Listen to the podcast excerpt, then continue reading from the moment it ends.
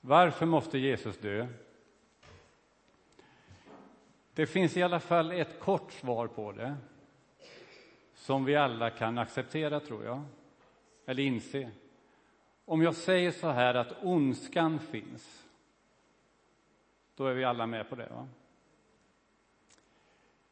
Jag lyssnade på Hans Rosling, han som eh, var med och startade Läkare utan gränser, Sverigedivisionen. Han är faktiskt en, jag skulle säga, obotlig optimism. Som vill tala hopp i alla lägen. Och så talade han om de tre F'n. Och så sa han att vi lever faktiskt i den fredligaste av alla tider, historiskt sett. Vi lever i den friskaste av alla tider, historiskt sett. Och vi lever i den frihetligaste av alla tider, historiskt sett. Men, så säger han, detta är ingen självklarhet, för ondskan lurar hela tiden. Och då kan vi bara nämna IS, Boko Haram, Ukraina, ebola. Vi kan konstatera att det är fler journalister som är fängslade idag än någonsin. Och vi kan tänka på våra bröder och systrar som lider för sin tro och är fängslade för sin tro. Och vi kan komma ihåg de eh, händelserna nyligen, Frankrike och nu Danmark. Och så inser vi att ondskan finns. Därför måste Jesus dö. Det är det korta svaret. Men vi har ju lite mer tid att eh, gå in i frågan som sådan. Man kan nästan inte tala om detta utan att eh, Mikael kopplar på eh, eh, powerpointen och, och frågar oss synd. Vad är synd? För det är också en anledning till att Jesus måste dö, det är att synden finns. Ondskan och synden hänger ju ihop. Men begreppet synd är lite knepigt för folk idag att förstå vad det är. För man har en kanske lite annorlunda syn på det än vad det är från början. Nu får jag tala om vad ordet betyder från början. Det är samma ord som i svenskan är sund och söndra. Har samma stam alltså. Och egentligen betyder det här synd att dra isär, att dela på. Därför har jag ett sund där. Någonting som kanske skulle hänga ihop har skilts. Och någonting har gått sönder. Och det är synden som gör att någonting går sönder. Det är alltså samma ord, synd, sund, söndra. Och det är en kraft som gör det här. Och den kraften kan ha ett namn. Eh, diabolos på grekiska. Som betyder just den som drar isär. Den som söndrar. På svenska är det här namnet djävulen. Och då talar vi verkligen om ondskan och syndens centrum. Och då behövs det en motkraft. Och det är den kraften som helar, mina vänner. Och därför att det finns en kraft som drar isär så behövs det en kraft som helar. Och det är Guds kraft. Så var det med synden. Och den här kraften som drar isär och söndrar, den kan vi känna av i oss själva. Och det är väldigt bra att erkänna det. Det är en verklighet. Det finns en destruktiv kraft inom oss alla. Vi gör inte alltid det som är rätt och det som vi vill göra därför att diabolos, kraften, finns som vill förstöra. Därför är det så viktigt att vi tar till oss den andra kraften försoningen. Försoningen är någonting som helar. Om en relation har gått sönder så är det försoning som för ihop och helar. Och det är det som är kärnan i den kristna tron egentligen. Själva poängen, det är försoningen. Gud känner, nej, människorna har kommit ifrån mig. Det har funnits en kraft som har dratt isär. Jag måste försöka lösa detta och få kraften ihop. Försoningen. En helad relation, en återupprättad relation med Gud. Gud hatar nämligen ondskan. Och syndens konsekvens är död. Samtidigt vill ju Gud att alla människor ska bli räddade. Det talade vi om förra söndagen och även söndagen dessförinnan.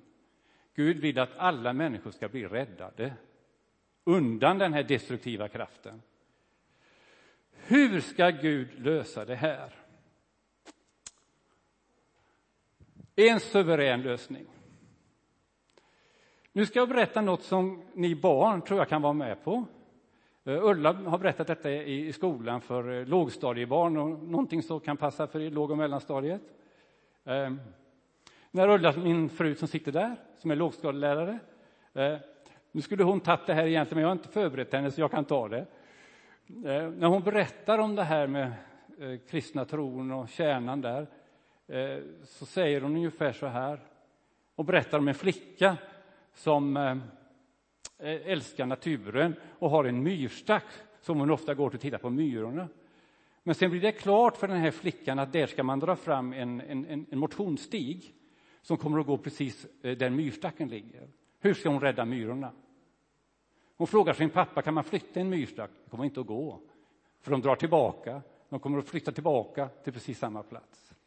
Det enda du skulle kunna göra, det är om du kunde tankeexperiment i alla fall, bli en myra själv. Och så kunde du eh, berätta för myrorna, nej, det är fara nu, ni måste flytta. Eh, en räddning. Och så, så säger Ulla, så tänkte Gud. Hur ska jag kunna tala om för människorna att det finns en fara och samtidigt rädda hela män, män, alla människor? Jo, om jag själv blir människa. Och det är det som händer när Gud skickar Jesus.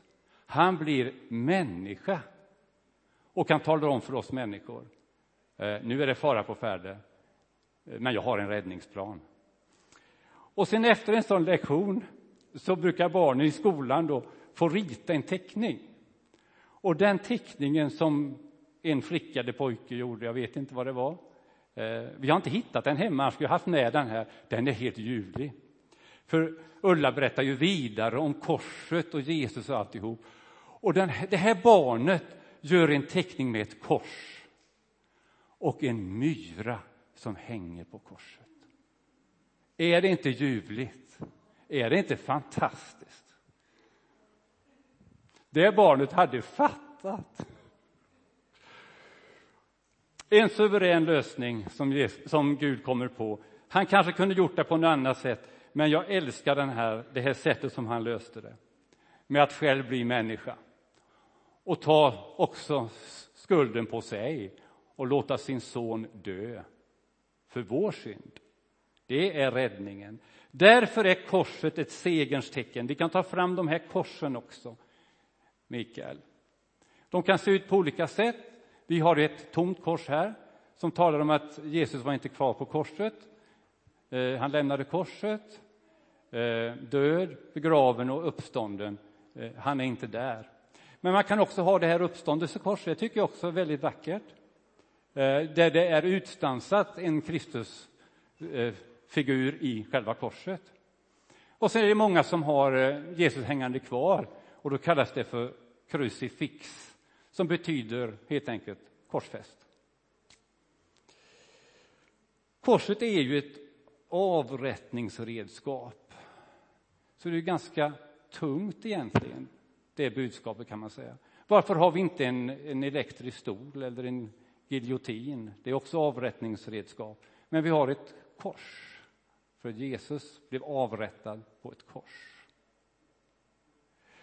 Talet om korset är svårt. Eh, Paulus säger att det liksom inte går inte att förstå riktigt, det är dårskap, säger han, för de som inte fattar.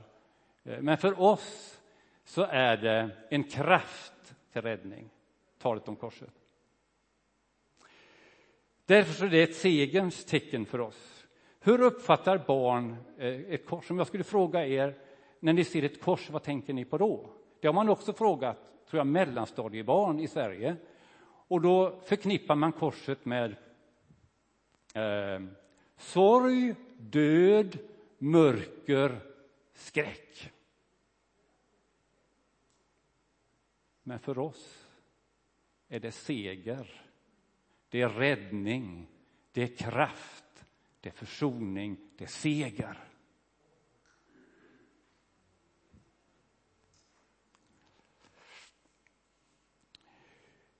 En känd jurist, journalist och pastor i Chicago, Lee Strobel, har skrivit några böcker, bland annat här, den här boken som heter Fallet Jesus. Han är alltså jurist, så han har studerat eh, vad som hände med Jesus när han blev dömd av judarna och eh, eh, Pilatus, romerske företrädaren. Och sen ställer han sig frågan varför dog Jesus? Vem dömde honom egentligen? Var det judarna? Var det denne Pilatus, romerska härskaren? Eller... Och så går han igenom hela den här processen juridiskt och så konstaterar han nej, det var inte judarna, de kunde inte fällt Jesus. Det var inte Pilatus, han kunde inte fällt Jesus. Det fanns inte så starka indicier. Det var bara rykten och det var motsägelsefullt alltihop. Detta går han igenom i boken. Och så konstaterar han, nej, Jesus gav sitt liv. Om han inte själv hade velat detta så hade det inte gått att döma honom. Han gav sitt liv frivilligt. Och det är också en av poängerna i det här. Det var människor som var med och hjälpte till kan man säga. Men det var Guds vilja att detta skulle ske och Jesus gav faktiskt sitt liv. Det blir juristens slutsats. Det är rätt intressant.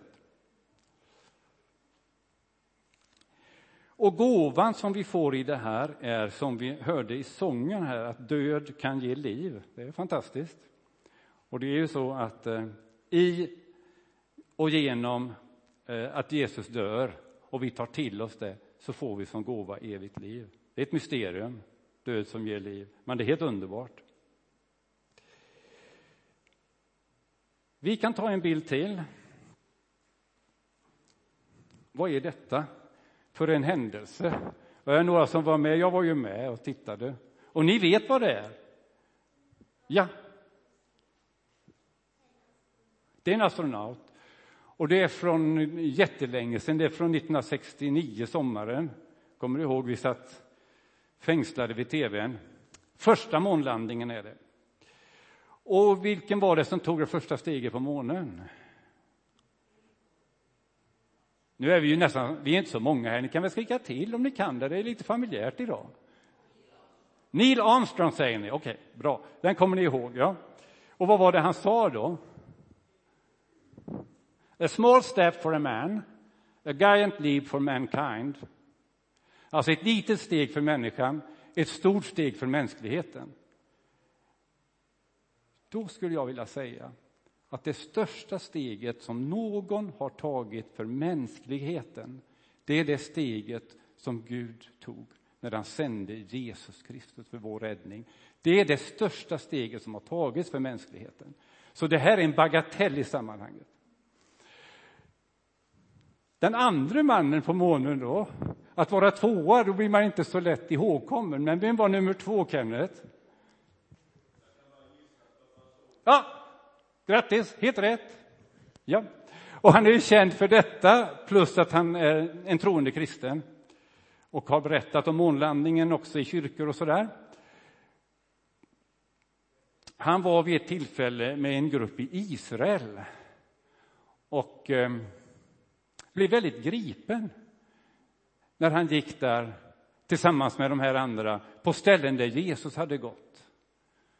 Och så säger Buzz Aldrin så här. Det är väl inte så märkvärdigt att jag har tagit några steg på månen. Det är mycket mer fascinerande och märkligt att Gud faktiskt har gått på denna jorden. Det är mycket mer fantastiskt att Gud faktiskt genom Jesus Kristus har gått på denna jord. Då är min insats, säger Basse Åldring, ingenting i jämförelse.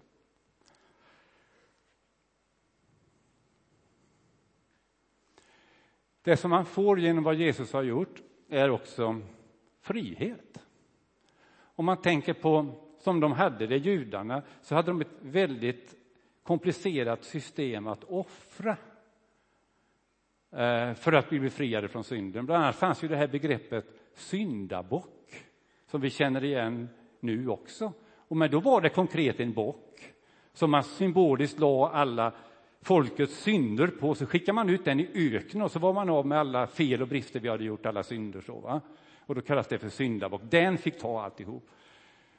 Men så säger Jesus och Bibeln undervisar om att nej, nu har Jesus tagit allting.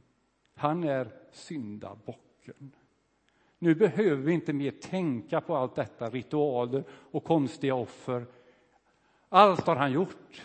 Och nu kan vi vara fria och bara glada och jubla i det som han har gjort.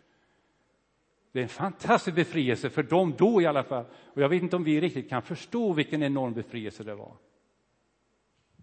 Att slippa allt detta. Vi ska strax gå över i nattvarden, men jag tror att jag ändå vill berätta det här lite personliga nu. Och då får vi väl ta den sista bilden. En symbol för nådens frihet. Där har vi en liten målning från eh, det här när Jesus döms. Vi har Pilatus i mitten där och så har vi Jesus till vänster då längst bort och så har vi den andra grabben där. Vem är det? Barabbas.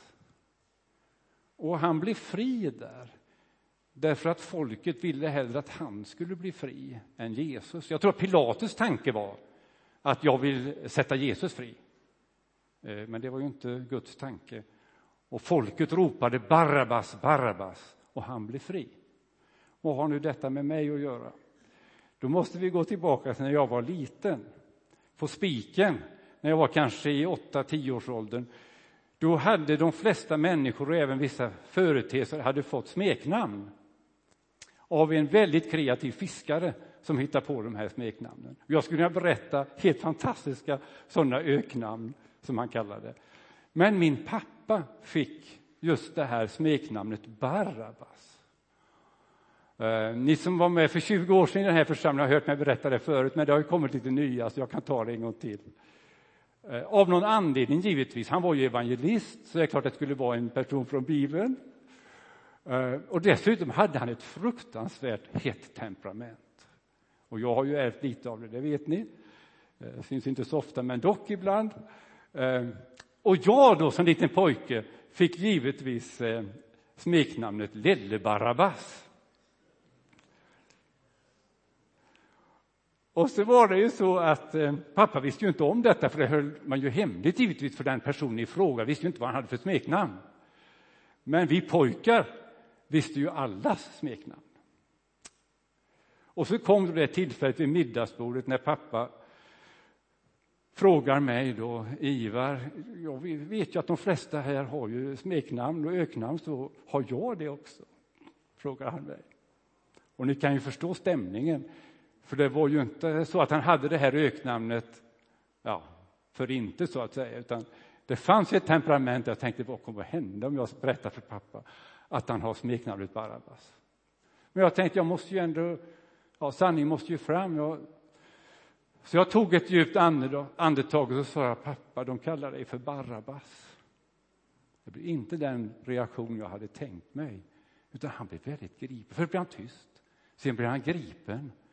Och jag kunde nästan jag kunde se hur tårarna kom i hans ögon och sa jag tycker om mitt smeknamn, mitt öknamn. För det är faktiskt sant. Om inte Barabbas hade kommit i min väg så hade jag varit förlorad. Om inte Jesus hade kommit i min väg så hade jag varit förlorad. Eh, så jag får känna mig som Barabbas, sa han. För om inte Jesus hade kommit i min väg så hade jag varit förlorad.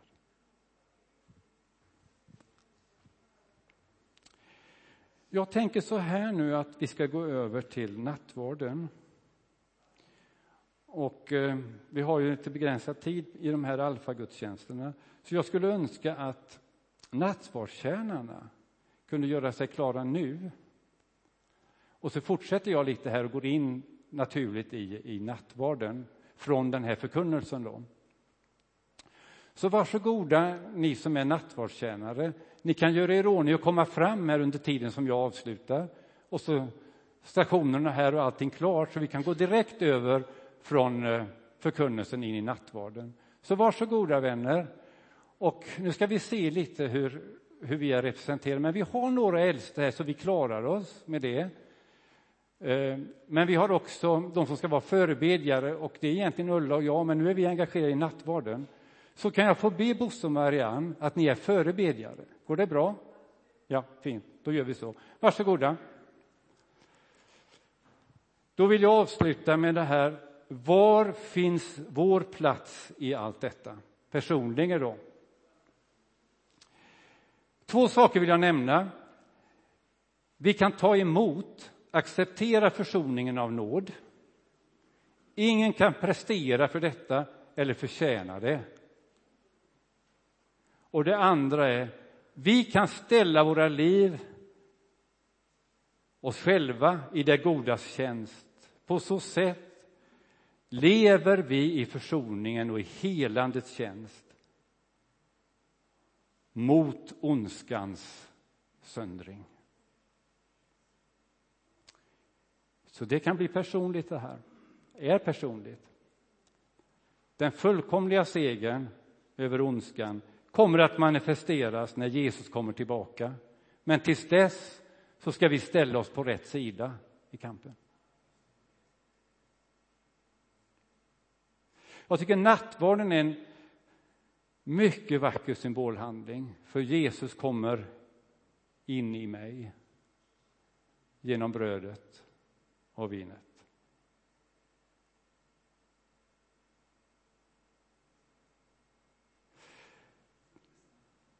Vi kan säga så här, för att bli lite tydliga. Jesus kan födas tusen gånger i Betlehem men om han inte föds i mitt hjärta så blir det ändå inte någonting för mig.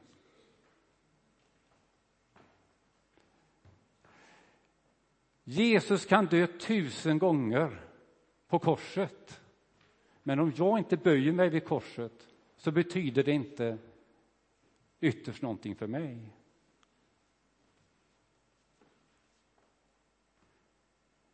Ta gärna tid och tänk på detta. Nu har vi en, en, en lämplig tid framöver, tycker jag. Fastetiden som börjar på onsdag nu. Det finns ju ett syfte med den. Och jag vill gärna se det som en tänketid. Eh, Tanken är att vi ska avstå från någonting och det gör jag också. Det kan lika gärna berätta för er. För att jag, och det ska vara någonting som man gärna vill ha men som man väljer att avstå ifrån. Då kan jag säga att jag avstår från godis. Jag älskar godis, det vet ni. Jag älskar mat och jag älskar godis. Eh, ni som känner mig. Men nu avstår jag från godis under denna tiden. Och då kan jag tycka, men det är väl lite smålöjligt. Men det är inte det egentligen. Därför att varje gång jag känner godissuget så tänker jag istället, nej. Och så tänker jag på försoningen. För det är ju så vår tanke fungerar, vi måste bli påminna på något sätt. Och nu blir jag väldigt fysiskt påmind om det. Nej, jag ska tänka extra på vad Jesus har gjort för mig den här tiden. Och på det sättet har detta en funktion. Det är en tid att avstå, det är en tid att tänka. Idag är frälsningens dag.